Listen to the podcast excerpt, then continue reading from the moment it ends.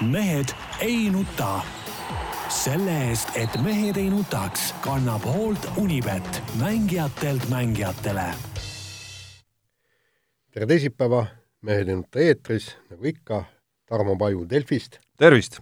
miks sul kõrvaklapid peas on, on küsimus? et äh, sind paremini kuulda ja veenduda, et äh, kuulajad ka sind kuulevad. kohe võtan ära, kui ka Peep on häält teinud. Peep Pahv Eesti Päevalehest ja Delfist. tervist! Jaan Martinson Eesti Päevalehest, Delfist ja igalt poolt mujalt. on teil midagi saate alustuseks südamel, hingel?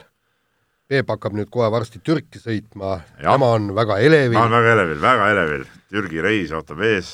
rand, rand, meri. puhkus, meri, naised, kõike seda tahad sa saada. kõike saada, jah, täpselt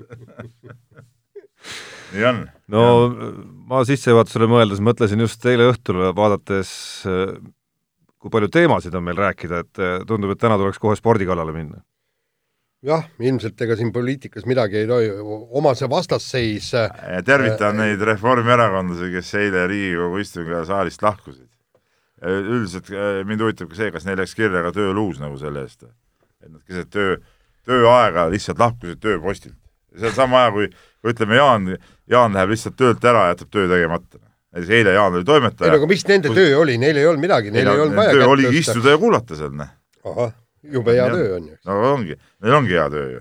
ja ei, aga selles ja mõttes loodan, et Yoko Alendrid ja, ja, ja kes seal olid, seal Taavi Rõivased ja maksate need paarkümmend eurot, mis eh, teie hiigelpalgast, ütleme praegu ebaõiglaselt saite selle ajast, mis te nagu mitte midagi teinud, maksate siis riigi tuludesse tagasi. Jaa, aga, aga tegelikult eh, see, see kummaline vastuseis on, tähendab, et, et kõik plõksivad Äh, kumbki osapool plõksib. peaasi, et saaks plõksida. ja põhi, peaasi, ja siis süüdistavad teist osapoolt plõksimises yeah.. et, et nagu see oli, et, et Põlluaas äh, pidas äh, kõne ja siis selle peale siis tõesti kõigil olid karvad turris, et kuidas ta sai niimoodi öelda, aga samas ega, ega selle vastaspoole väljaütlemised ei ole sugugi vähem reljeefsemad. nii on Lähme spordi juurde. Lähme spordi, spordi juurde, räägime alustuseks vehklemisest ja meie alustus selle kõigega. ei nõustunud, osalise, osaliselt nõustun, aga ma, ma ei, ma, mul on, ma ei viitsi isegi nagu rääkida enam, lähme, lähme spordi juurde, mul on hea meel, kui me saame spordi juurde minna. jaa, lähme räägime, noh, väga hea meel ei ole ja alustame jällegi konfliktist, Katrina Lehis, meie esi no, midagi uut vähemalt, uus konflikt. jah. No suhteliselt. Äh..., vähemalt sellisel kujul. Okei kui nüüd nagu ah,, okay. kui süveneda. Jah. Äh, Katrina Lehis, meie esi-EP naine, otsustas äh, loobuda äh, senise treeneri, kes on teda lapsest peale treeninud, kasvatanud, Helen Nelin Naukase teenetest. Ja noh, ühest küljest normaalne protsess, niisuguseid asju äh, juhtub, aga, aga just Nelis Naukase reaktsioon oli, oli sellele üsna tõsine. Äh,, süüdistas endist õpilast noa selga löömises ja kõikides muudes. äh, Äh, asjades, et vot see, see pool oli nagu just see, mis äh, asja konfliktseks ajas. jah, aga noh, samas äh, eks Helen Nelis-Naukase reaktsioonid on läbi aastate paljudel teemadel olnud väga väga reljeefsed, et selles mõttes kui niimoodi reageeriks, noh, ma ei tea, Gerd Kanter näiteks millelegi või Aleksander Tammert, siis oleks see kindlasti nagu erilisem kui Helen Nelis-Naukase selline no, reaktsioon, et ta oli üsna oodatud reaktsioon. vahe muidugi selles, et ei Gerd Kanter ega, ega ega Aleksander Tammertil ei ole ühtegi sellist õpilast, keda on ise maast madalast üles kasvatanud ja Euroopa meistriks viinud. selliseid no... treenereid on üldse väga vähe tegelikult. et ma nüüd küsin, Tarmo, eh, kuidas sina oleksid reageerinud? Noh, ma ei tea ju täpselt, mismoodi see lahkuminek nagu protsessina on käinud, mis on seal eh, need aastad võib-olla toimunud, viimased aastad, nii palju, kui ma killukesi kuulen, siis eh, siis ütleme, märke noh, vähemalt Katrina Lehise poolsest rahulolematusest või vähemalt mingite asjade suhtes on olnud ju varem juba õhus. et ma ei tea seda protsessi, kuidas see täpselt käis ja kuidas see lõppvaatus käis, mismoodi äh, Katrina Lehis täpselt teatas Helen Nelis-Naukasele sellest ja nii edasi ja nii edasi. aga samm iseenesest on äh, spordimaailmas ju täiesti tavaline, ega fakt, et et äh, sa oled kasvatanud üles sportlase lapsest saadik äh, ja isegi, ja viinud tippu, maailma tippu, on juba iseenesest väga harukordne. Veel harukordsem oleks, kui sa siis elu lõpuni ka veel juhendad väga ei, vähe, väga vähe näiteid maailma spordis. ei no me tõime Eesti spordist välja, olümpiamedaliteni on jõudnud ainult kolm sportlast, keda on treeninud siis nii-öelda algne treener, üks oli siis Venat Tõnistet, üks oli Budõlin. Ja Kristina Smigunvei. ja Kristiina Smigunvei. kusjuures Budõlin on ju minu meelest briljantne näide sellest, et kui ta, kui ta tunnistati, see oli vist aastal kaks tuhat üks, tunnistati maailma parimaks judokaks. ehk siis kõikide kaalude üleselt äh, parimaks judokaks tänu oma võitudele ja tehnikale, ta vist kaotas ainult ühe matši tol aastal. ja ja kaks tuhat tuli olümpiapronks ja sealt edasi kaheksa, kaheksa tiitlimedalit ta võitis. ja nii, kui ta oma algsest treenerist äh, lahku läks, nii oli kõik, rohkem enam mitte ühtegi medalit ja isegi mitte medalihõngu ei olnud seal. et ja, ja see, see oli ka küllaltki konfliktne äh, lahkuminek, aga, aga lihtsalt Budõlin arvas, et, et treener ei vii teda edasi, et, et kuskilt on seisak, eks ta maailmameistriks ei tulnud, võitis ainult, ainult pronksid ja kõik, et no tekkis kuskil mingisugune noh, ajuplokk tal, et, et arvas, et, et ma lähen nüüd uue treeneri juurde, siis, siis on jube hästi kõik, aga selgus null noh, tennis, olen- põikene, põikene tennisemaailmas äh, me näeme ju eriti sageli treenerivahetusi. no tennis on hoopis te teine spordiala ja seal, seal ongi tõesti, noh, seal mängivad ka igasugused muud asjad rolli ja tihtipuhku on ju see, et, et mitmed treenerid on ju see, et, et tennisist ei ole nõus öö, sellega, et, et treener ennast liiga puhevile ajab ja, ja endast võib-olla liiga palju arvab ja, ja öö, tema väljaütlemised, kõik niisugused asjad, eks. aga, aga ega me, me, me tõesti teame, me alles võib-olla nelja-viie aasta pärast saame öelda, kas see treeneri vahetus, me küll ei tea, kes on Katrina Lehise uus treener, kas see oli õige või ei olnud. no jaa, teine asi on see, et sa ütlesid, Tarmo, et et selles ei ole midagi äh, erakordset, eks niisugune treenerivahetus on, et noh, ei olegi, ma olen nõus, ma kirjutasin ise kommentaari ka, et noh, ükski treener ei saa ju tead nagu arvestada sellega, et sportlane lõpuni tema juurde jääb, aga samas teisalt ei ole ka midagi erakordset sellest äh, Elin, Helen Nelis-Naukase ei no absoluutselt äh,, mäletad, mäletad, kuidas äh, ütleme, Helen Nelis-Naukas on tuntud väga reljeefse no no,, oota, väga reljeefse väljenduse poolest. mäletate kas või äh, mismoodi Silver Karjus kunagi reageeris, kui Kaia Kanepi Jah. noh, justkui hülgas ta noh, kuigi noh, ütleme seal, ütleme need ei ole üldse võrreldavad. No minu arust ka mitte, minu arust ka mitte, et selles mõttes ei ole see üldse maailma esimene ja üldse kõige hullem reaktsioon. ei, seda muidugi ja, ja, ja see on täiesti mõistetav ja, ja ja teisalt eh, mina, ma saan nagu treenerist väga selgelt nagu aru, et et tema, tema pettumus ka selles, et, et kui palju ta on, ütleme, panustanud sellesse eh, sportlase kasvatamisse, ütleme just, just see, et ta on tõesti alt üles taga tulnud. Ja, ja, ja kui siis korraga kõrvale jäetakse, selge see, et see on nagu valus hetk, teisalt jälle noh, kokkuvõttes ikkagi sportlane ka tunnetab, et noh, kas ta tahab seda vahetust või ei taha, noh et, et ega kedagi ei saa ju sundida kellegi juures treenima, noh et, et et meil ei ole nii, et nüüd ma ei tea, keegi spordikomitee ütleb, mida enam pole, EOK ütleb, et et nüüd sa pead treenima selle treeneriga, noh niisugust asja ju, ju ei ole olemas ja, ja, ja kokkuvõttes see ongi, see ongi vaba tahe ja igaüks teeb oma, oma valikud ise, aga ma ütlen, see see reaktsiooni valulikkus on, on nagu mõistetav. Ja teine asi, mis, mis tegelikult eh, Eesti spordisüsteemi niisugust nagu, nagu üks, üks väga nõrk, nõrk osa tuleb välja, no mis on muidugi kogu aeg teada olnud, see niisugune nõrk osa, on seesama see täiskasvanud treeneri tasustamine, mis, mis nagu praegu äh, valusalt lööb ka treeneri pihta, sest et et kui ta siiamaani no ütleme, sai tänu sellele Euroopa meistritiitlile sai Vehkleja ise oli sportlase A-taseme peal ja, ja treener oli ka siis seal korraliku toetuse peal, siis ta jääb ju sellest ka ilma, eks ole aga, aga mismoodi siis ütleme, ta saab nagu üldse täiskasvanud treener edasi tegutseda noh. Ja- väga, väga, see on väga hea detail minu arust. see on väga, väga oluline noh, detail. ja, ja hea siis nagu mõnes mõttes jutumärkides, et äh, hea detail sellest pusletüki, pusletükkide kogumist, mis äh, läheb teema alla treenerite garantiid Eestis. algab juba lastespordist peale ja kuni selleni välja, eks. et, et see ei ole ju klassikaline tööleping, mida, mida sõlmivad selles olukorras sportlane ja, ja tema treener, ehk siis tõepoolest, päevapealt see võib ula peal olla. ei no jaa, aga see on näiteks tennisetreeneri puhul ka. ei, samamoodi, ei see ongi noh, jah, Jah, jah. jah. lihtsalt tennisetreenerite puhul on see, et et seal tennisistid ikkagi nagu palkavad endale selle treeneri.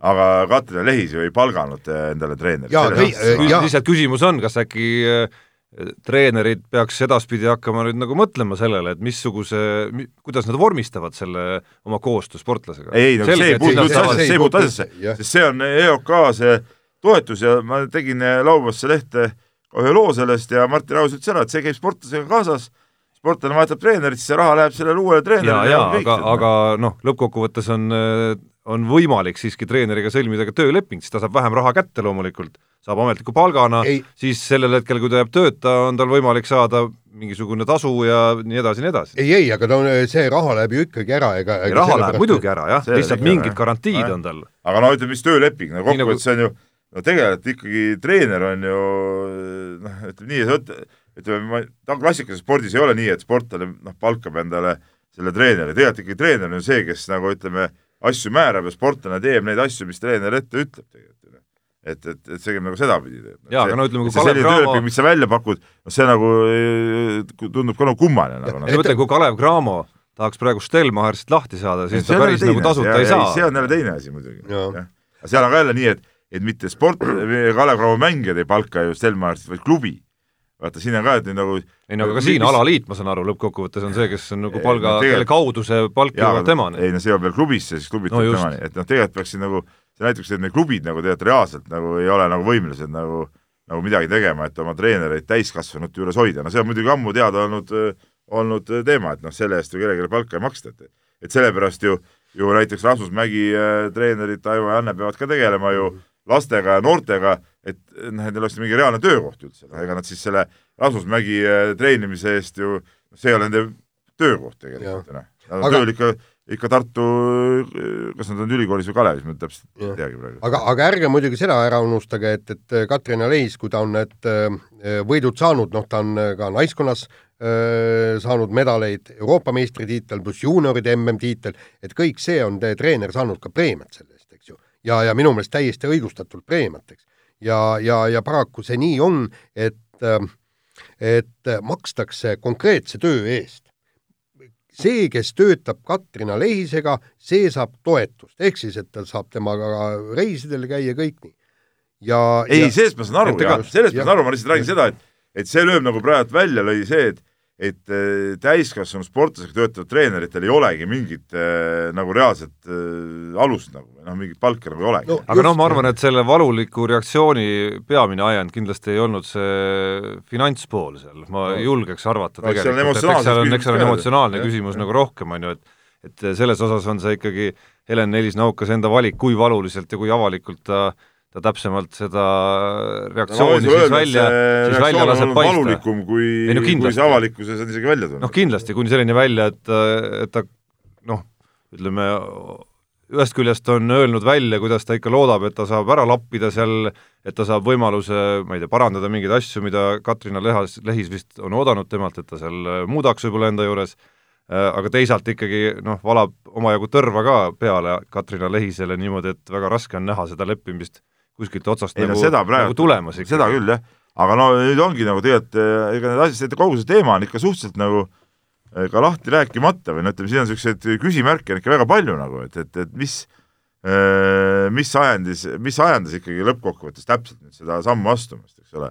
et noh, tegelikult ega siis Katrin Lehis, okei okay,, ta eelmine aasta oli Euroopa meister, sellega võrreldes see hooaeg oli tõesti, oli kehvem, eks ole. aga samas ega ta nüüd ei olnud ka eks Eesti naistest ta ei olnud ju, ta oli ikkagi nagu esinumber ju tegelikult no lõppkokkuvõttes nad jõudsid maailma edetabelis Julia Beljajevaga no, maailma edetabes küll, aga Eesti nii-öelda reitingus on ta ikkagi esimene. Aga... et, et, et no, et, et kas siit Eestist nüüd on kedagi paremat võtta, noh, raske öelda, eks. jaa, aga vaata, siin ongi ja, see, et, et kui teda ei rahulda. teiseks, teine asi on see, et äh, olümpia need asjad on kohe peale tulemas, eks ole, et noh ja see on väga riski business, eks ole, vahetult enne olümpia neid tähtsaid valikvõistlusi või valikhooaega niisugust äh, käiku teha, noh.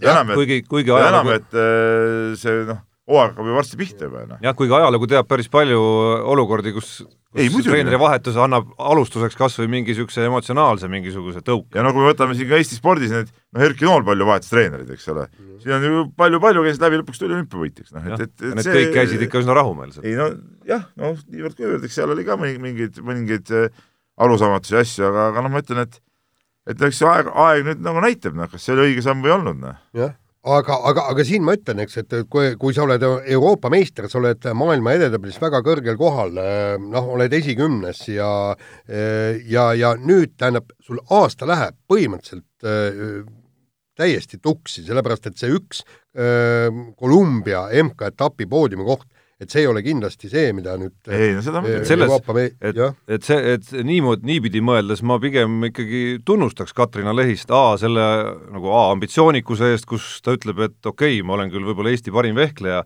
maailma rankingu järgi, aga see ei ole minu jaoks piisav ikkagi, ma tahan ei, olla maailma parim, ma tahan olla maailma parim vehkleja ja B, äh, julgeda ette võtta ka ikkagi äh, selliseid samme juba kahekümne nelja aastaselt, mis ma arvan, ei olnud talle emotsionaalselt üldse mitte lihtne, mõeldes, mis on äh, nende ühine senine teekond olnud Helen Nelis-Naukasele.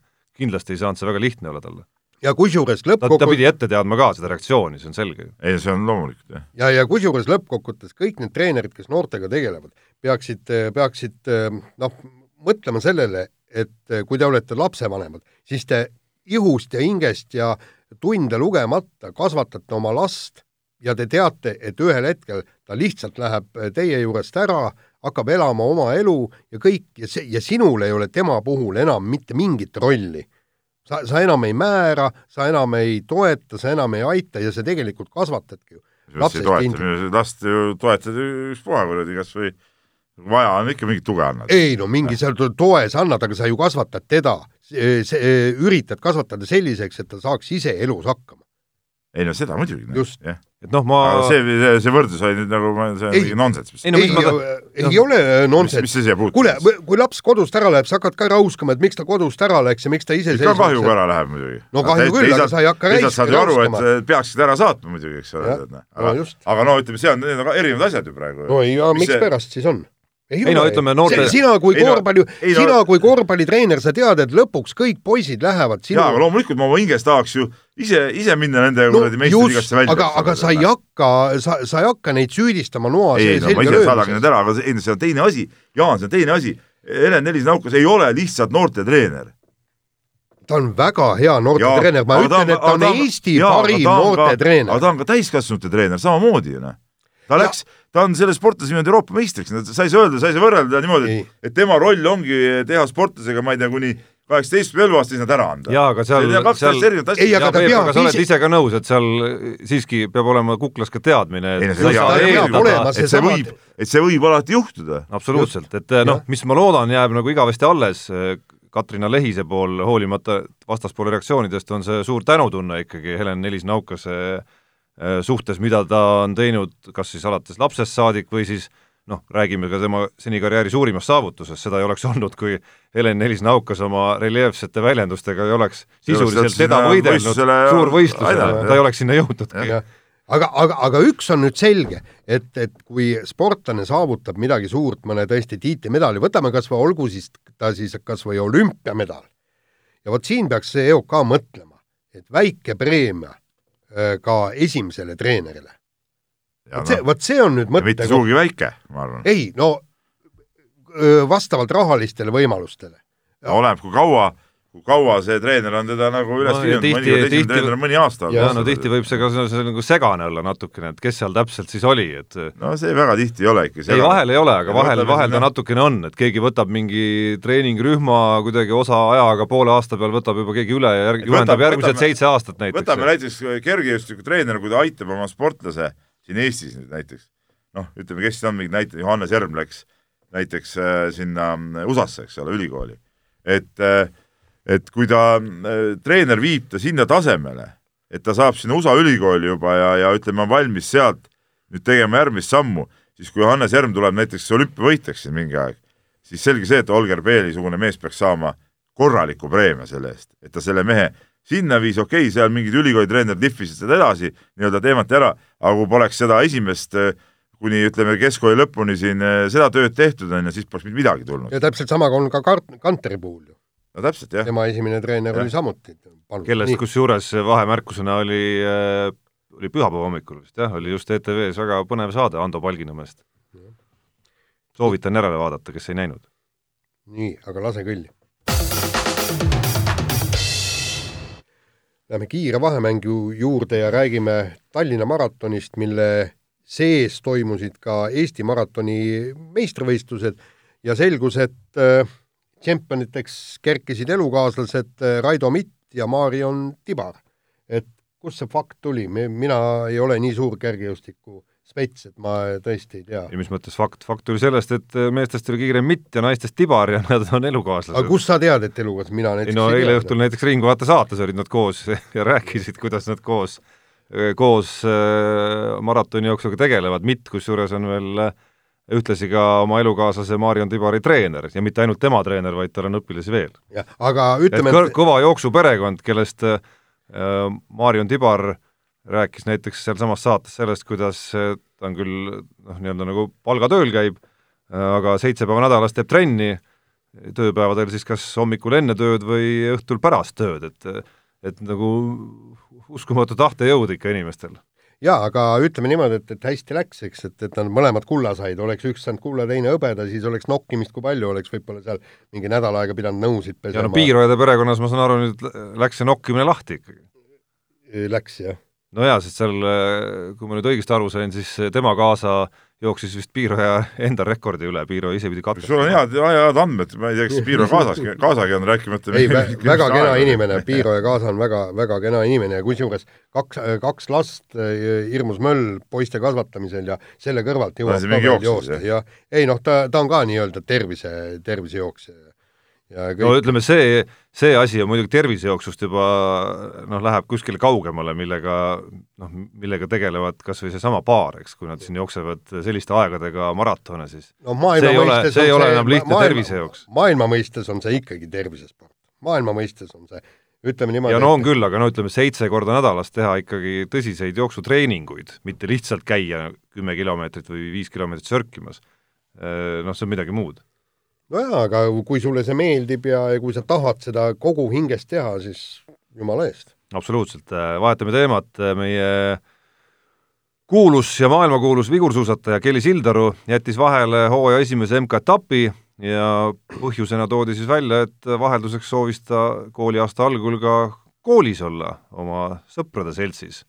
ja Eesti Päevalehes ilmus ka lugu Kelly Sildaru hetkeseisust, kus isa Tõnis ikkagi äh, no viskas selliseid äh, väga huvitavaid väljendeid õhku, kirjeldades Kelly Sildaru seisu, pealkiri oli lool vist, et see seis on küsitav ja ausalt öeldes ma lugesin loo läbi, ma väga täpselt aru ei saanudki, mis värk siis on.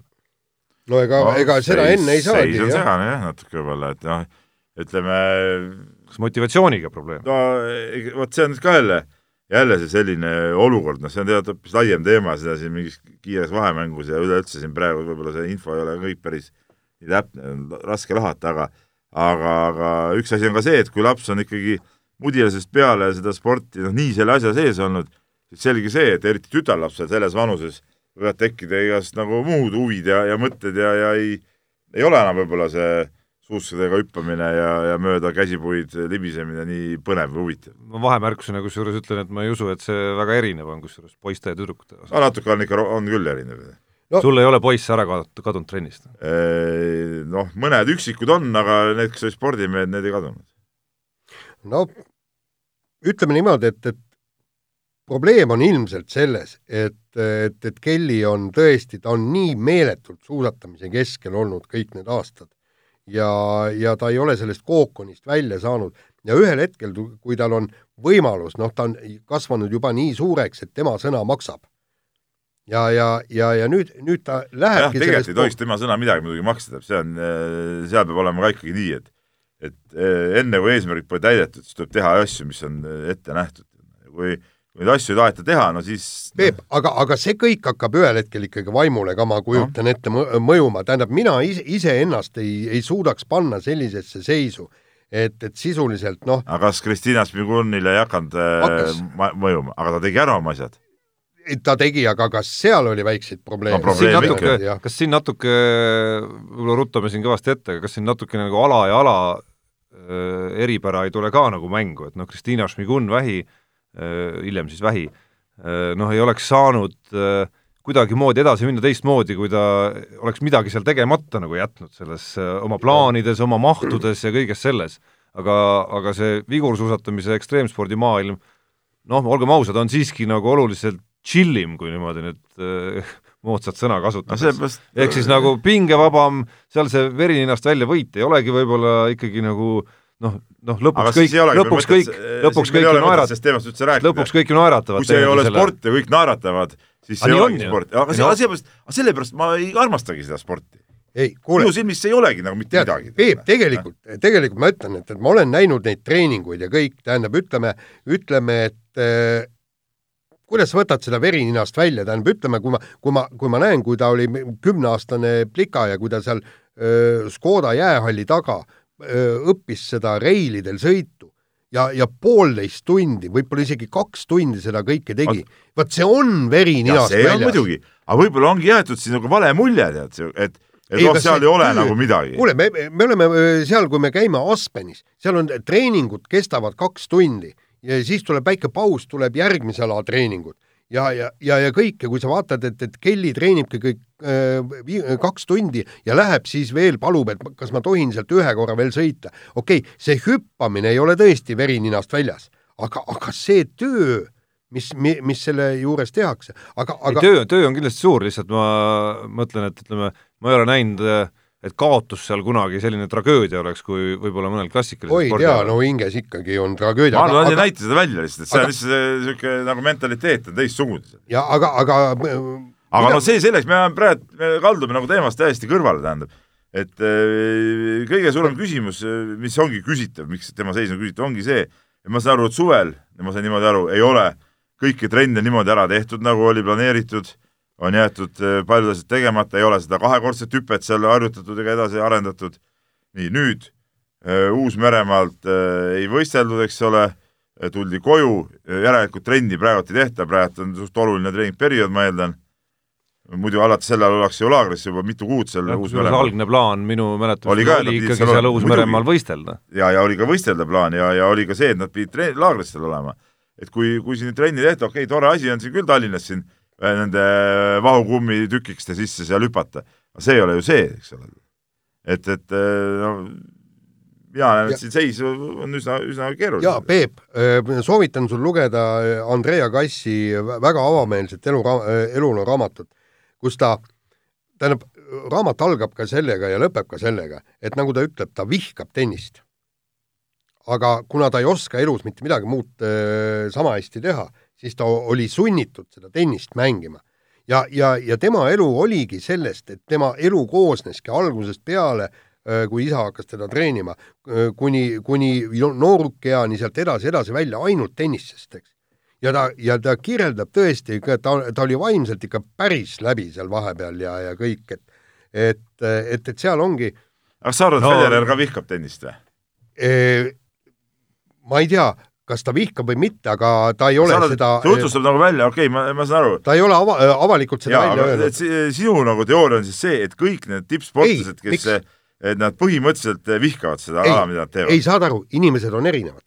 inimesed on erinevad. aga siis ongi ju, see on ju tontlus siis jälle, et ega sa ei ole päris sportlane, no, vihkad seda. ja, ja ei no sa ei saa öelda, et Andre Agassi ei ole päris no jaa, kui ta seda vihkas, siis, ja kui ta ei teinud seda sporti nagu hingega siis järelikult see on ka tontlus. ta, ta tegi hingega, ta, ta ja ma usun, ja ma arvan, et see, ma, ma võtan ka selle raamatu ette, ma ei ole selleni veel jõudnud, eks ole, aga, aga ma ei usu, et ta seda päris niimoodi mõtles, et ma nüüd küll vihkasin no, sa... pime, pime aga see, see on muide läbi, see, see tuleb läbi raam-, see tuleb läbi raamatu, läbi raamatu, kogu aeg ta räägib seda. kusjuures Agassiga sarnasus võib-olla ei olegi üldse nagu halb võrdlus, sest Agassi oli ju ka seal Nick Polletieri tenniseakadeemias, eks, noh, mis äh, Äh, ma ei tea, kas te olete näinud filmi Nick Polletieriga ja tema sellest akadeemiast, mis on ikka selline ka, mis ütleme, sellise klassikalise lapsepõlve võtab ikka üsna varajases eas äh, nende, nendelt no aga sa muidu ei jõuagi sellel ajal kuhugi ju, see on loogiline. aga, aga seal oligi, tähendab, äh, Agassi ju läks sealsamas Polletieri koolis, hakkas mässama ja ta ütles, et tema kooli ei lähe. aga tema et... oma olemuselt oligi mässumeelne inimene, noh, või tähendab, on,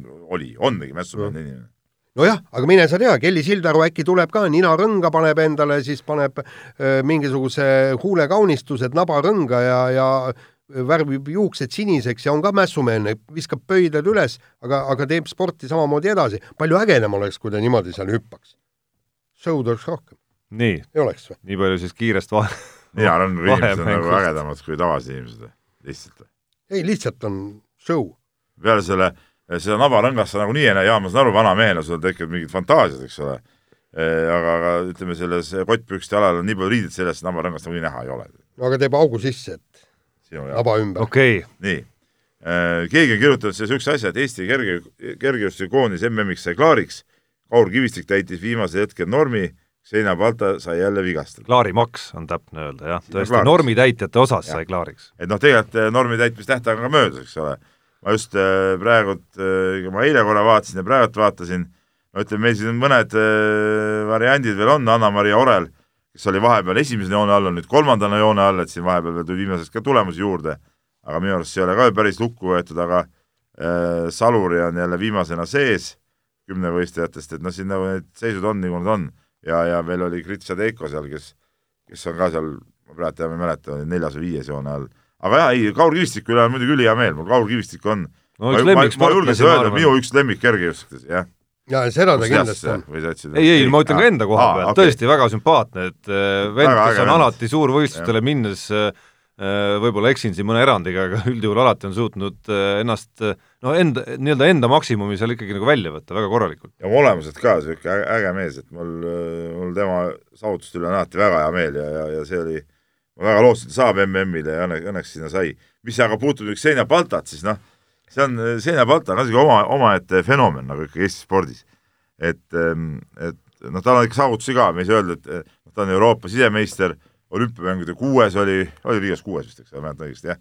kuues, noh, seal on veel tiitlivõistlusel mingeid neljandaid kohti ja asju, noh, tipp-topp, aga noh, aga ma imestan seda, kuidas ta suudab, ütleme sellises olukorras, kus tal see no see vigastuste äh, tulek on nii lihtne või nii kergelt tuleb kõik, et kuidas suudab ennast üldse motiveerida nagu tegema jälle aasta läbi tööd ja sel aastal, mis ta sai nüüd võistelda? Estikatel äh, võistles äh, Pärnus ja nüüd siis sellel võistlusel, eks ole. ehk siis kolm Euroopa võistlust, karikal oli ka. Euroopa karikal ka jah, õigus, neli võistlust. ja, ja, ja see Rakvert jaotki kolm võistlust, eks ole.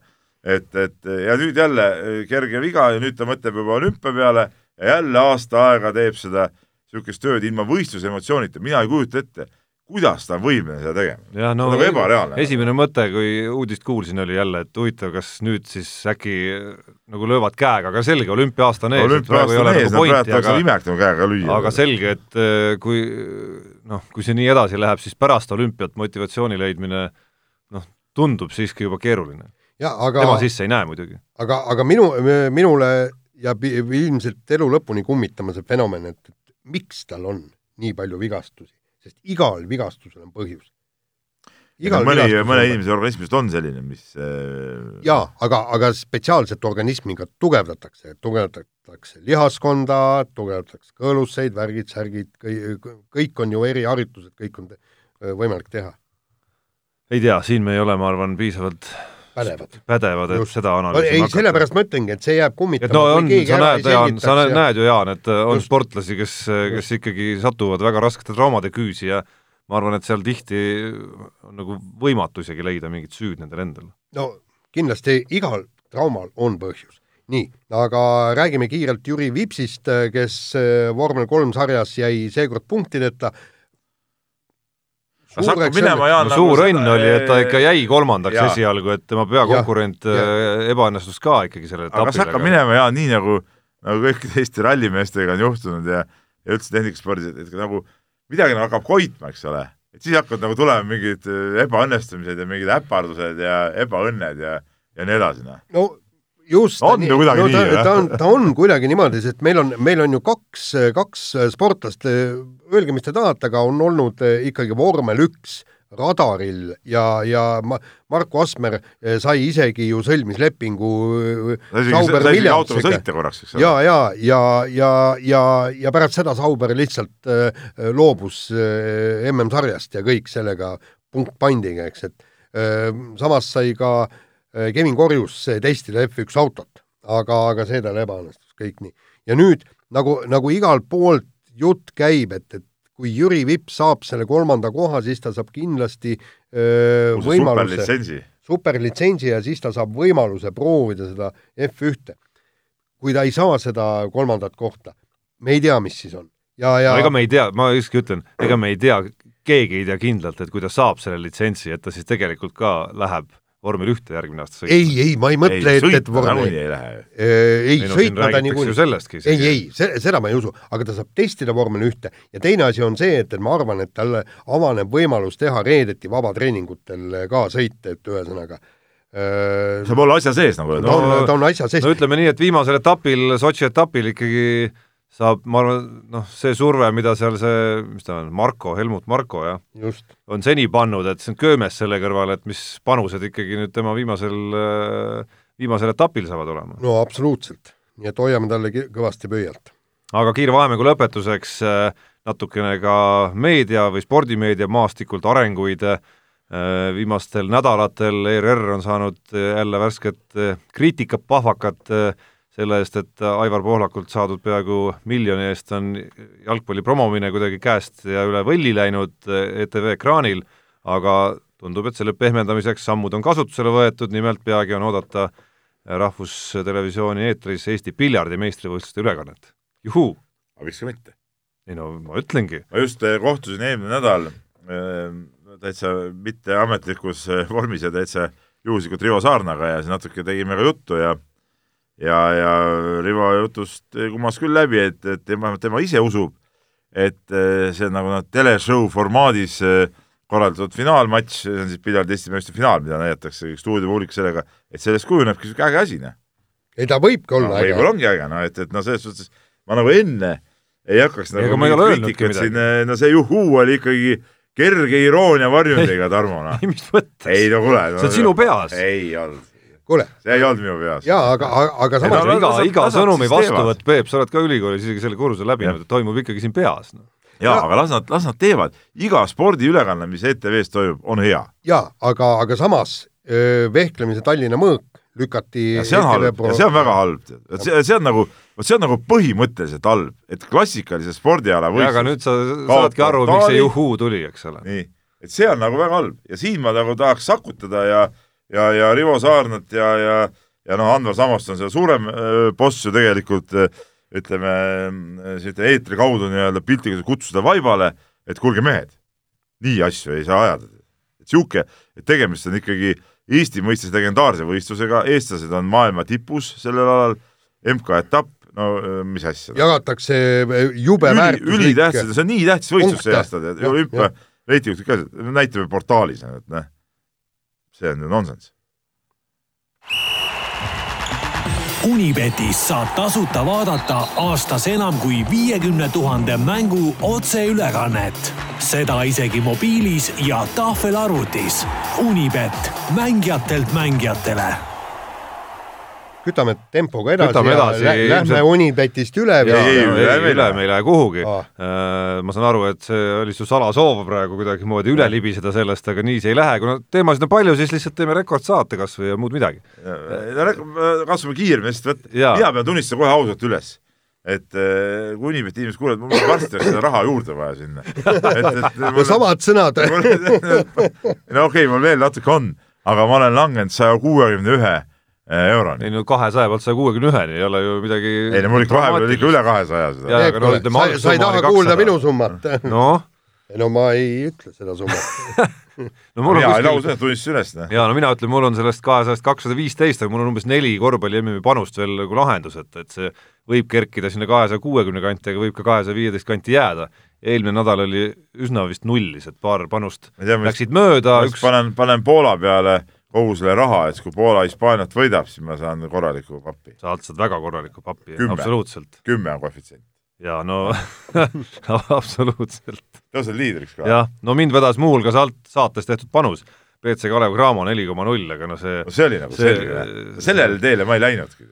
no ma tõesti mõtlen, ausalt ma mõtlesin, et nad nagu natuke rohkem saavad sellele poolikule Žalgirile vastu. vot ma ei saanudki aru, millest, millest see, aga no me räägime sellest korvpallist veel, jah, me räägime räägime veel eraldi. Uh, uue nädala panusena on töös uh, Eesti võrkpallikoondise uh, ennustus Euroopa meistrivõistluste finaalturniiril. ja see puudutab veerandfinaali jõudmist. ehk siis selline natukene pikem, mitte ühe õhtuga selgeks saav panus sellest, mis on uh, need võimalused ja lootused räägime me saate jooksul siis, kui on õige aeg. kirjad. nii, kirjad ja kirju muidugi on ka väga palju, arvestades, et meil on ajaga väga jännis, siis ma proovin kiirelt teha ja ja ütleme nii, et kaks kirja. no ega meid keegi ära ei aja siit, nii et. ära aja, mul endal on kiire. ma pean türkidele sõitma. ma saan seal, seal seda süüa igast head ja paremat. kebaabi. ujuda. ujun, suplen meres. uristan uristan nagu, puristan hotellibasseinis. Ja joo kindlasti Türgi kohvi, hästi palju suhkrut, hästi ei, tuline ei, ja hästi ma, kange. ma kohviga suhkrut ei joo. aga FS Pilseni õlu, väga maitsev väga maitsev, kohe peab ütlema. nii, aga lähme nüüd kirjade juurde ja, ja, ja Jaanik Ene, noh, mul jäi eelmises saates, mul jäi kohe kõrva, et mulle tundus juba siis, et sa eksisid, et see nagu, et see ei ole nii ja loomulikult on siin legendaarne mälumängur Urmas Oljum on kirjutanud ja ja siin üks Aarne on kirjutanud ja ja, ja et, et, et, mis jama siis ajasid, et kus see Ole-Einar Björndalen siis, siis ikkagi selle, selle võidu sai, millest sa siin rääkisid, MM-tiitlid? no see, see oli tegelikult jah, tõesti, ta oli MK-etapp, aga mis on oluliselt tugevam kui mm, sellepärast et seal on ju kümme norrakat, kaheksa rootslast, hunnik soomlasi, kamp venelasi. ütleme niimoodi, et, et tegelikult ma tegin ja ma vaba, vabandan Björn Tallinni ees, ma tegin talle liiga. ma, ma, ma ütlesin, et ta võitis eh, kehvema võistluse, kui ta tegelikult võitis. nii et vabanda, Ole Einar õigus, see oli, oli nagu tõeline demagoogia tipptase. ei olnud või?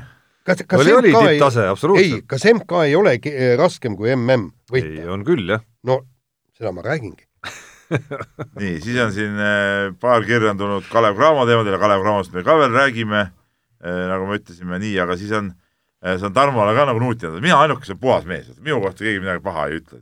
aga siin jälle, et oleks üks palve jälle, et miks peavad need vahekõllid olema nii valjud, inimesed tahavad kuulata juttu, reguleerivad arvutitämbri sobivaks ja kuulavad tihti veel õhtuti, öötundidel ja nii edasi.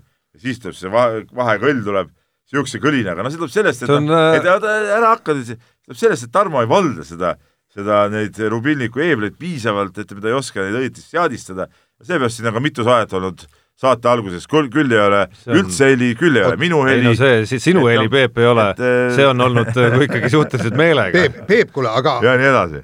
aga, aga kui me nüüd püstitame vandenõuteooria äkki on Tarmol leping mingi kõrvatilga firmaga inimene kuuleb rahulikult, järsku röögatab kõrva, kõrvad valusad, haiged. Äh, lihtsalt selleks, et äh, väike ergastus ikkagi, et inimene ei uinuks meie saate ajal.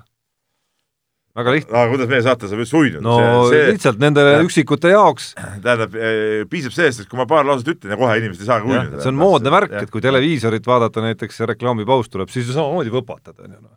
et see, see käib asja juurde, see on niisugune moodne moodne selline sa oled nagu jõudnud sellesse ikka, kes ütleme, õhtu eh, südamepaiku eh, suure toa diivani peal tukub ja siis kui reklaam tuleb, siis kargad püsti. seda mulle ei meenu. ei saa hästi aru, kus sa oled. küll aga mulle meenub, et ma olen haaranud puldi järele, et laps teises toas äkki ärkab üles. selliseid hetki on küll. aga. Eh, Tarmo Piit sinu turja peal ei ole plaksutamist lõpetanud ja küsib Kalle, et tere mehed, et miks ma ei näinud Tarmo Pajut Tallinna maratonil mitte üheski jooksus jooksmas, olen pettunud mina, mina samuti väga pettunud. esialgu arvasin, et ta ei pannud, et ei pannud lihtsalt tähele, pärast vaatasin protokolle ja mida pole, seda pole, õige, Kalle, ma ka uurisin, uurisin laupäeva õhtul kümme kilomeetrit, vaatasin, jooksus ei ole, siis vaatasin, noh, noh, äkki läks käima, tead, noh, ka vana mees. kepikõnd. ei, kõndimis ei ole. siis mõtlesin, no ei, valmistub homseks poolmaratoniks. ei olnud. ma ütlesin, noh, maratoni peal, ikka ei olnud. täielik pettumus täielik pett. mis sul on õigustuseks ütelda no...? sa ju esindad kõiki sa esindad nagu meie, arvestades sellega, sa esindad nagu meie, meie, meie suurt kollektiivi, eks ole, meie Jaaniga siin pingutame, teeme, möllame, aga sina? jah, et äh, oled andnud endast parima, et siit kasvaks ikkagi nagu inimene ja. välja. aga näed, kõik teie pingutused on läinud luhta.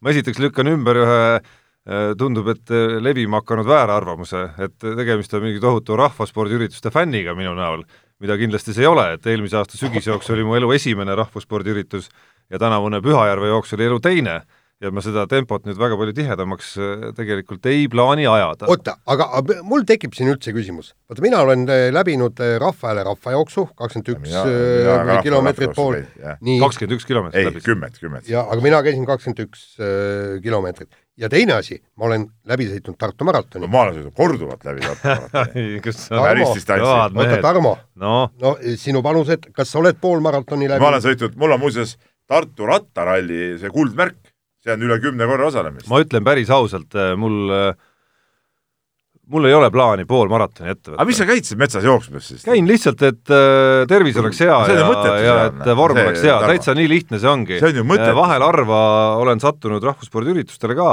mis on niisuguse vahepalana täitsa okei okay. aga kui Kalle küsimusele päriselt vastata, nüüd veel nagu täiendada, siis, siis tegelikult ma pean ütlema, et ma mõnda aega mõtlesin siiski minna sellel aastal aga kuidagi sellel suvel see, ei ikka jooksma kümmet kilomeetrit, aga aga kuidagi sellel suvel see eh, jooksuga ei ole väga hästi olnud, et tänagi vaatasin hommikul, võtsin kellast andmeid sinna äppi sisse, vaatasin, et ikka väga hõredalt olen jooksma jõudnud ja kuidagi tervis on jupsinud siin vahepeal ja no niisugune tüüpiline Eesti, Eesti, Eesti hädaorg. sportlane, üks hädaorg lihtsalt on olnud siin peal ja ja, ja, ja see tegelikult see põhjus on, kuigi üks põhjus on muidugi veel, ja täpselt samal ajal oli vaja olla loomulikult korvpalli kommenteerimiseks eetris, mis siiski, mis siiski. Peep, olgem ausad, on tähtsam. see on, vot see on, okei et nüüd me jõudsime, kui ma oleks teadnud, kui ma oleks aga kümme teadnud kilti oli õhtu kell viis kell viis ja mäng käis sellel ajal. aga see lastejooks viis kilomeetrit, see oli nagu Eelmisel äh, reedel õhtul, see naiste jooks ei olnud hoopis. laste. või laste või? Ühesõnaga, kui ma oleks no teadnud sa ju oled meil ka see euronoor. Ei, ma tahtsin öelda, ma tahan- öeldakse, et kuule, kuule, sul habe ees ja et ma olen euronoor, ma võin ka joosta., ma tahan nii palju lisada, et kui oleks ma teadnud, et Kalle, meie hea sõber, saatekuulaja, taaskord on seal linnahalli külje all, ma pakun, küllap ta seal Jah. oli jälle seal kohviku pingi peal, nagu see eelmisel aastalgi, kus ta, kus ta mulle reipalt lehvitas, no siis ma oleks kindlasti sättinud need asjad ümber ikkagi, et siinkohal, et see fännklubi toetus äh, muidugi noh, kohustab tulevikus. aga muidugi Kalle, ilmselgelt Kalles me peame muidugi mütsi maha võtma. Kalle on seal Facebookis mul ka sõber, eks ole, ma näen, mis ta seal teeb ja ma ei tea, mees on tabanud mingi totaalne rattahullus oled, ma ei tea, te ka näete tema neid tegemisi või? Mees ju kogu aeg paneb, kuidas ta kütab mingit rattaringi, ma ei tea. Väga tubli, noh. ei no muidugi ju tubli noh. aga ma ei usu, et ta teeb seda selleks, et mööda rahvusspordiüritusi mina olen küll aru saanud, et ta valmistub Tartu selleks rattamaratoniks. kuule mehed, pane paneme Kalle kirjuta, kas mul oli õigus ja mina olen niimoodi aru saanud, nii, ei, üks kiri tuleb veel ära klaarida, sest korvpalli mm on käimas, inimesed no me räägime ju korvpalli MM-ist. ei, see on küsimus. kas korvpallireeglites on mingi aeg antud, kaua võib vabaviskeid visata? või õigemini vabavisket visates jokutada või keskenduda? Mõni puhkab päris pikalt seal joonel olles. minu arust on viis sekundit. aga seda ma ei tea küll, et kellelgi oleks äh, vabavise nagu annuleeritud, et ta liiga kaua seal on äh, hingeldanud või, või keskendunud. aga minu arust on viis sekundit pärast seda, kohtunik on palli kätte andnud. ma loodan, ma nüüd ei eksinud ja Aare Allikud ja Atso Matsalud ei, ei tõtta mind nagu no sul on ju korvpallikohtuniku paberid ka ei, olemas. ei, jumal, need olid kümme aastat tagasi, ma ühe hooaja korra proovisin. aga noh, see, see sinna paika ei käi. nii, nii, aga lähme nüüd, nüüd teema kütame. edasi, kütame edasi jalgpalli Kümme. praktikas ei ole kunagi näinud igatahes. ma ma üritasin kiirelt guugeldada, aga ei, nii kiirelt ei jõua viis sekundit. me, me nägime reedel ja eile eh, toredat jalg, jalgpalli Eesti rahvuskoondise esituses. mina reedest mängu ei näinud. nii, aga mina võin öelda Ainsa kohta, mina käisin Ainsana staadionil, teil ei ole siin üldse midagi rääkida, te vaatasite telekast, te ei näinud nagu üldpilti. luba, ma juhatan sisse siis, juhatad? siis räägitakse, ma ütlen, et, et nagu enne peatreener ütles, et äh, lõhnas nelja punkti järgi ja ma sain ka aru, milles küsimus nagu oli, neli eks. kolli. ei, ei, ei, ei, ei on. neli kolli. Loodet-, loodeti äh, Valgevenega viiki, mis napilt lisaaja värava tõttu ära jäi ja kui oleks Eesti löönud need neli väravat, aga lõi Holland, siis oleks Eesti ju võitnud neli-null ja olekski neli punkti. väga õige. aga noh, see eilne mäng oli muidugi, see oli nagu, vaata lapsed mängivad ka seda koera või mingit siukest asja, eks ole, et söödetakse üks on keskel ja siis söödavad ja üle isegi või- suvel ja- rannas ja- ja- vees mängisin No ikka, oma jaa. enda lapse ja, ja et eh, samamoodi mängis hollandlased eile Eesti jalgpalli ka. lihtsalt nad tõksisid neid sööte, vaatasid, kas nüüd saab eestlane kuskilt varba vahele või ei saanud, üldjuhul ei saanud, nad said päris pikalt sööte ja siis, kui ütleme, piisavalt palju oli juba sööte tehtud, siis mõtlesid, no nüüd prooviks ka värava lüüa, noh paar korda äh, Leppmets äh, ütleme, tegi seal ühe korra vägeva Robinsonaadi, võttis ära paar ägedat tõrjet veel, aga noh, alati ta ei saanud ja alles neli korda siis see nii-öelda koeramäng päädis ka ütleme kolliga.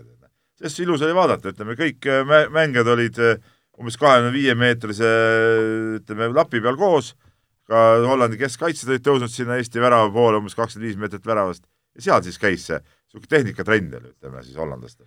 no eks jut-, eestlastel oli nagu jooksutrenn, kus see palli järgi joosta lihtsalt. eks need jutud ju, olgem ausad, viimasel paaril aastal jalkakoondise kohta hakkavad korduma siiski, et et noh, väga raske on midagi uut lisada, et selgelt selgelt napib uut värsket talenti, mille, mille osas ma tegelikult ütlen, eriti kui me räägime Valgevene mängust, oli siiski positiivseid märke, et mul oli ülihea meel, et selle värava lõi just nimelt Erik Sorga, mitte keegi teine, et seal, seal nagu mingit elu natukene hakkab tulema, sellist elu, nagu me suvel võib-olla nägime FC Flora esituses eurosarjas, et noh, mingit sellist elu tahaks nüüd jalgpallikoondisse rohkem saada, aga noh, Hollandi vastu loomulikult see tasemevahe on lihtsalt äh, nii suur, et no sealt seda Valgevene oodata vastu veel vedas ka, et see, ma saan aru, pooled pallid, ütleme neli-viis palli jaa, aga ka mänguliselt noh, seal noh, ütleme ka Eesti suutis seal nagu midagi vähemalt luua ja, ja palli hoida ja nii edasi.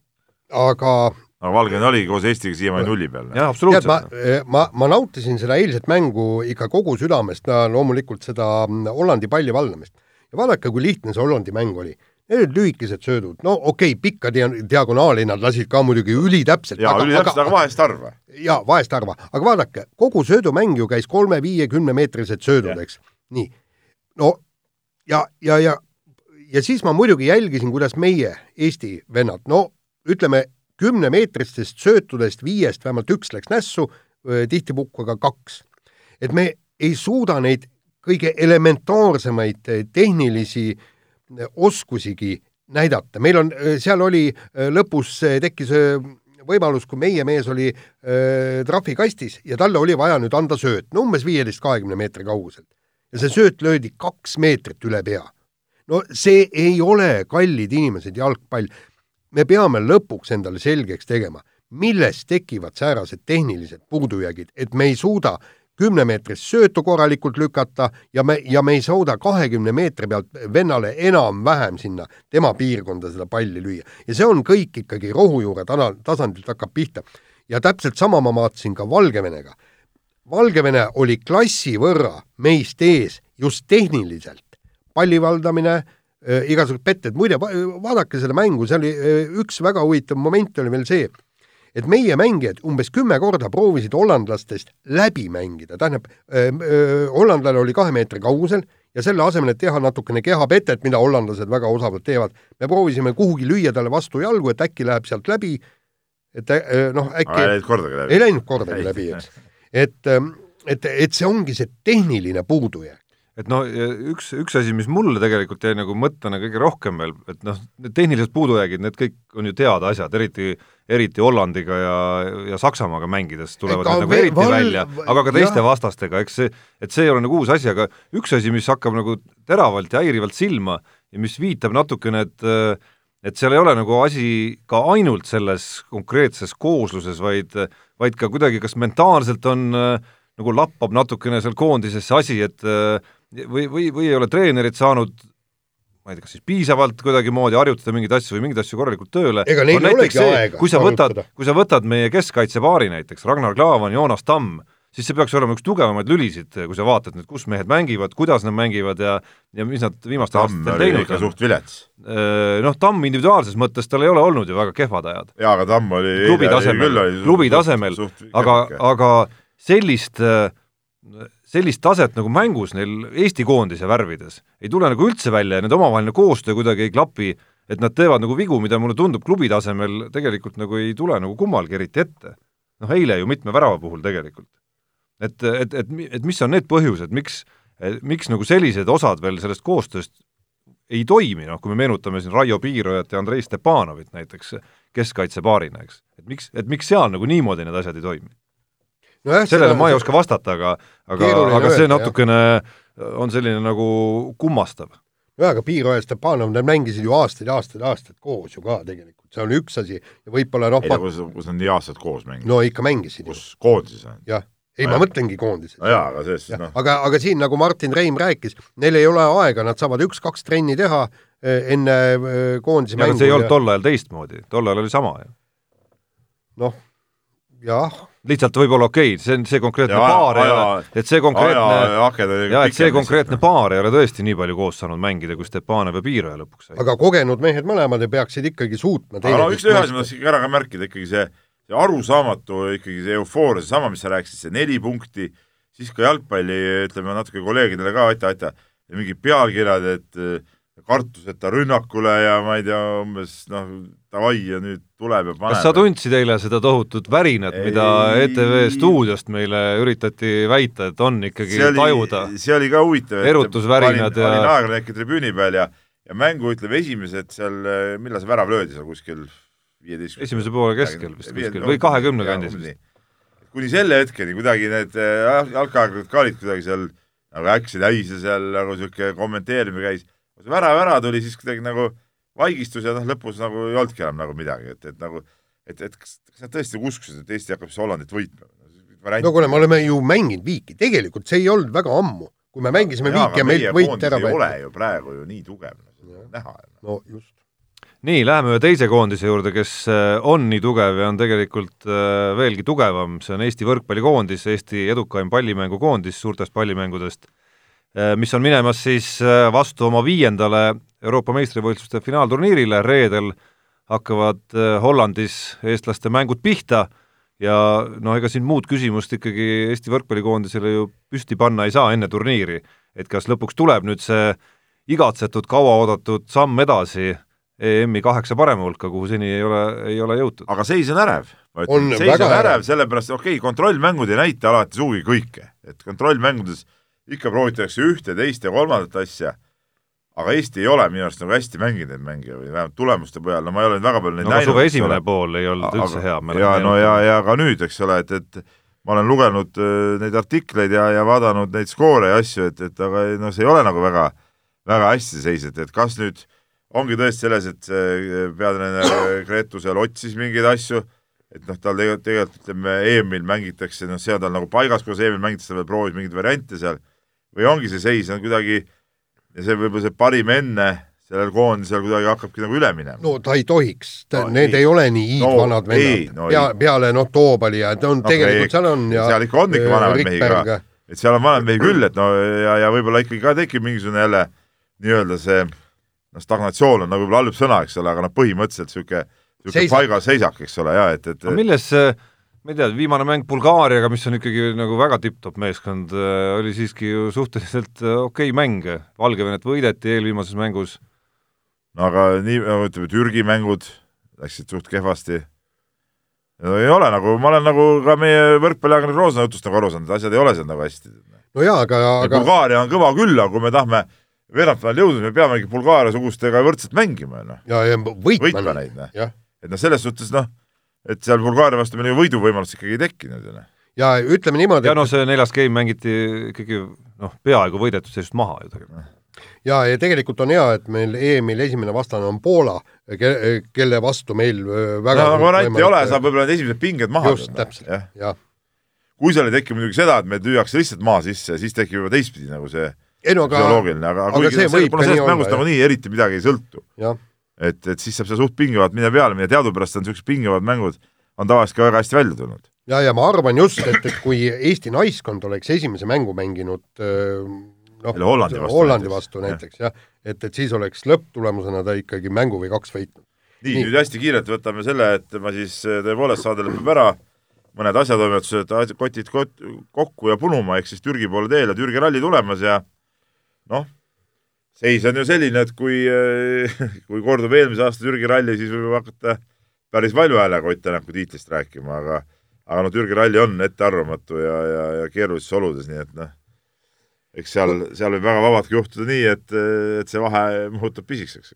kui, kui üldse mingisugune ralli on äh, nii-öelda loteriiralli, siis see on Türgi. siis see on Türgi ja, ja, ja, ja, ja mitte kuidagi ei saa öelda, eelmine aasta oli ju väga hästi näha, Hyundai ja ja Citroen olid, äh, olid Türgis ikkagi kiiremad kui äh, kui äh, Toyota. Toyota jah, kuigi Toyota nüüd on nagu väidetavalt tööd teinud, aga selle nimel noh. just, aga, aga, aga lõpuks, eks ju, mis näitab puhtalt, et ku, kuivõrd loteriiralliga on tegu, eks. et sa saad aru, kui nüüd Tänak võitis. jaa, no aga see, see võibki olla tema aga seal tulebki mõistus sõita, sa ei saa seal hakata äh, rapsima, noh, see no, ei ole ala see Chris mingi tüüpi vennad, kes ikkagi nagu kipuvad nagu panema. et ma mõtlen, see võibki tema trump olla, eks. jaa, aga sa ei saa ju Osieed panna praegu nii-öelda rapsija kiltkonda. ei no muidugi ei saa, jah. ja no., ja aga eelmine aasta ikka läks tal auto katki. no lihtsalt tabeliseis on selline, kus nad Neuvilliga, Ogier ja Neuville, paratamatult nagu natukene rohkem, päris kulgema minna ei saa sinna siiski. Nemad peavad ikkagi nagu no, punktivahet tasa tegema. ja, ja mis seal on, on see Oti ikkagi esimene stardikoht. tema ikka peab kõik need need äh, kivid ja asjad seal esimesena vastu võtma, et see on nagu, esimesel päeval on kilometraaž ka seal päris korralik, et, et selles suhtes on, on no vist, vist jube pikk päev. väga pikk päev on, ma räägin, päris korralik jah, et, et aga et, et see on nagu, vot see on nagu nüüd see kõige keerulisem koht. jaa, aga samas sõidab ta ka kivid lahti. ei, ei muidugi, noh, kokkuvõttes noh, no see on ennustus, see on nagu totter, et ma arvan, ma arvan, me võiks selle teema nüüd nagu kokku tõmmata, vaatame, kuidas asi läheb. panen korra väikse korraks, et inimesed ärkaksid kõik ärkasid uuesti, nii. nii, ja nüüd mehed, rääkige korvpallist. sellest ei saa kiiresti rääkida. nojah, miks ei saa, saa? Cramo, Kalev Cramo kannatuse allkirjas kõige ägedam asi, mina võin öelda. Vilaknise viiest viis kolmesed. tema vana klassi, tema klassika alt ülestulek, pall sisse, mõned pani vabakohvet ära. mulle väga meeldis. nägin oma silmaga. ma laiendaks seda elamust võib-olla nii palju, et, et see, selle elamuse tegelik äh, sisu oli ju see, et kuidas isegi sellises koosseisus Kaunas Žalgiris, kus pool satsi on ju äh, hetkel siiski Hiinamaal äh, maailmameistrivõistlustel, et isegi sellisel kujul Kaunas Žalgirise puhul konkurentsis BC Kalev Cramoga tuleb ikkagi välja selline nagu, ma ei räägi nagu konkreetselt nagu mängijate nagu tasemest, aga kuidagi see, kuidagi kuidagi see vahe tuleb nii ilmekalt välja, kuidas, mis kiirustega, äh, kui professionaalselt, kuidas, kuidas neid asju nagu tehakse. et see, ma, ma tõesti arvasin tegelikult, et Kalev Cramo saab paremini vastu. sellest ma ei saanud, me rääkisime sinuga enne saadet, ma ei saanud aru, millele su arvamus tugines, aga ma pean natukene ennast kordama, nagu ma ütlesin, et võrkpalli teemale, et seis on ärev. ma ütlen ka Kalevi puhul, et seis on natuke ärev nende esimeste kontrollmängude põhjal, mis nad mängisid Riias äh, selle BC Kiieviga või see oli mingi uue nimega Kiiev mm. -hmm iseenesest päris tugev võistkond, kaotas neile. no ei olnud nagu midagi eriti head ja tegelikult, kui nüüd vaadata seda Salgrisega mängu, on mõned mehed, kes on tõesti võib-olla tunduvad päris okeid, eks ole. samas jälle mõned mehed, nii nagu peatreener ütles, on need, ta ootab rohkem ja ilmselgelt seal oli mängijaid, kellelt noh, peaks ootama palju-palju rohkem. et kui, kui ütleme, seal mõned mängijad oma nii-öelda seda taset nüüd võrreldes sellega, mis neil oli siin pühapäeval, kõvasti kõrgemale ei tõsta, siis on meil seal VTB liigas küll päris raske mingit suurt kala püüdma hakata see aasta. jaa, et kui BC Kalev Cramost rääkida, siis eh, noh, selle konkreetse mängu mulje oli ikkagi see, et et väga palju rollimängijaid ja väga palju niisugust noh, noh, selle mängu kontekstis niisugust nagu hallust oli ikkagi Kalev Cramo leeris ja niisugust väga vähe individuaalset sära et võib-olla ameeriklasest mängujuht ja, ja, ja see põhitsenter Kalevil, eks jah. ole, ja, ja Aigar Škeelelt võib-olla ka natukene, aga aga sealt tegelikult lõppesid need otsa. Nagu silma, ja teine mulje ikkagi ilmselge on see, et noh, Kalev Cramol ei ole sellel aastal noh, see ei ole uudis praegu, ei ole nagu sellise kaliibriga legionäre olnud võimalik palgata, nagu meil eelmisel aastal oli kaks seda kuulsat eh, defense breaker'it, eks ole, Lewis ja Almeida ja ja hooaja käigus need mehed küll vahetusid ja hooaja käigus liitus veel Arnet Multri ja vahetus Almeida siis eh, Tony Roteni vastu, aga, aga need olid ikka teise kaliibriga mehed ilmselgelt. ja mis seal salata, tähelepanelikud, ma olen ju tähelepanu juhtinud ka, et eh, me ei näe praegu BC Kalev Cramo särgi peal eh, peasponsori logo, et noh, otsad kokku viies on ju selge, et, et see eelarve ei saa samasugune olla, et me näeme, kõige suurem logo on hetkel Cramo, eelmisel aastal oli Optibet. jaa, täpselt. et see on nagu, seis on keeruline, aga no nüüd tulevad jälle kontrollmängud kohe või kontrollturniir õigemini Leedus väga kõvade vastastega, Himki, kes seal olid, Ritas ja kes see üks oli, ma ei mäletagi. et, et äh, noh, vähemalt saavad häid mänge ja, ja saavad head, head kontrollid nagu ära teha enne. mis mulle meeldis muidugi. võib-olla peab ka kiiresti, võib-olla peab ka kiiresti tegema mõned vahetused. jaa, mis mulle meeldis äh, samal ajal, ma istusin sellel mängul äh, üsna BC Kalev Cramo pingi taga ja see elu tegelikult, mille seal püsti panid Robert Stelmachers ja tema abitreener Akselis Vairoks, lätlane, see oli ikka nagu noh, ma pole nii nõudlikku õhkkonda seal BC Kalev Cramo pingil vist varem kohanud isegi, et iga mees, kes väljakult tuli, peaaegu eranditult, sai seal Vairoksilt ikka väga korraliku tagasiside, ütleme siis peene nimega. Vairoks meeldis mulle mängijana juba, kui ta oli Ventspilsi mängumees, ma ei tea, miks ta mulle juba, juba päris ammu, kui ma noh, vanasti sai ju käidud ju Ventspildis mänge vaatamas ja kui need Balti liigad asjad ja, ja Vaeroks mulle alati millegipärast on meeldinud, ma ei, isegi ei oska nagu öelda, kuidagi see olek ja see mängu, kuidas ta mängis ja oli platsi peal, ta oli ju Ventspilsi kapten ju pikki aastaid ja et selles suhtes on äge, et niisugused mehed siin toimetavad. et sellesse, sellesse, sellesse staapi on mul nagu usku samal ajal. Te, te, te keskendute mingisugusele suvalisele satsile, kui on käimas mm.